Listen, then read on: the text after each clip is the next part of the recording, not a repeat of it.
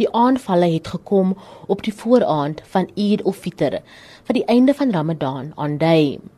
Die polisie is na die toneel ontbied en is ook deur die verdagte aangeval wat geweier het om homself oor te gee. Speerders het die toneel gefeinkam op soek na leidrade. Die familie van die oorledende sê hulle is geskok oor die voorval. Die 72-jarige Ismail Bassa wat in die moskee was, is een van die oorledendes. Imran Mukadam is 'n familielid. Started Ramadan with a tragic event in Durban and we ending Ramadan with another tragic event in Malmesbury. Siyad Hassan Hidig is ook in die aanval vermoor. Sy neef is Siyad Ali. He was in the masjid and engaging the worship. We asked him last night to go with us. He said no, he's going to be in the masjid. And tomorrow morning, you have to come to me and give me the key so that I can go there.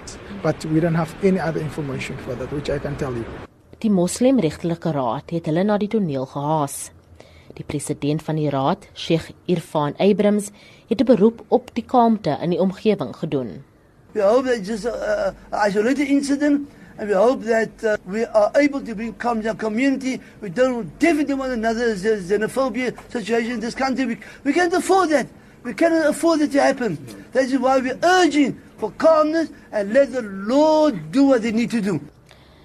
Die DA in die Wes-Kaap het skok en hartseer uitgespreek na die nuus van die aanval. DA leier in die provinsie, Bonginkosi Matikizela. It is a very sensitive issue that people are killed in this way. There's a day we've sent our condolences and hopefully the police will get to the bottom of it. And hopefully Allah will be with our Muslim brothers during this difficult time. Intussen het beide president Cyril Ramaphosa en die burgemeester van Kaapstad, Patricia de Lille, hul medelee met die moslimgemeenskap uitgespreek.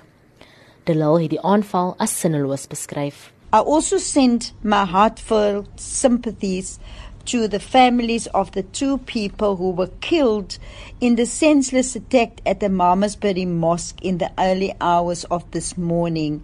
May their souls rest in peace. Die ANC in die Wes-Kaap sê hulle is bekommerd oor die onlangse aanvalle by moskeeë in die land. Wes-Kaap se ANC provinsiale sekretaris, Faiz Jacobs, This is now the second incident in a mosque. Mosques, like any places, are places of safety, or places of worship, places of reflection. And so we are concerned of these killings. We want this to be brought to book.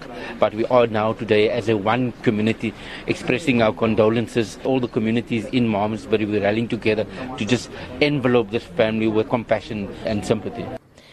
Die voorsitter van die parlement se polisiekomitee, François Beekman, is bekommerd oor die twee aanvalle.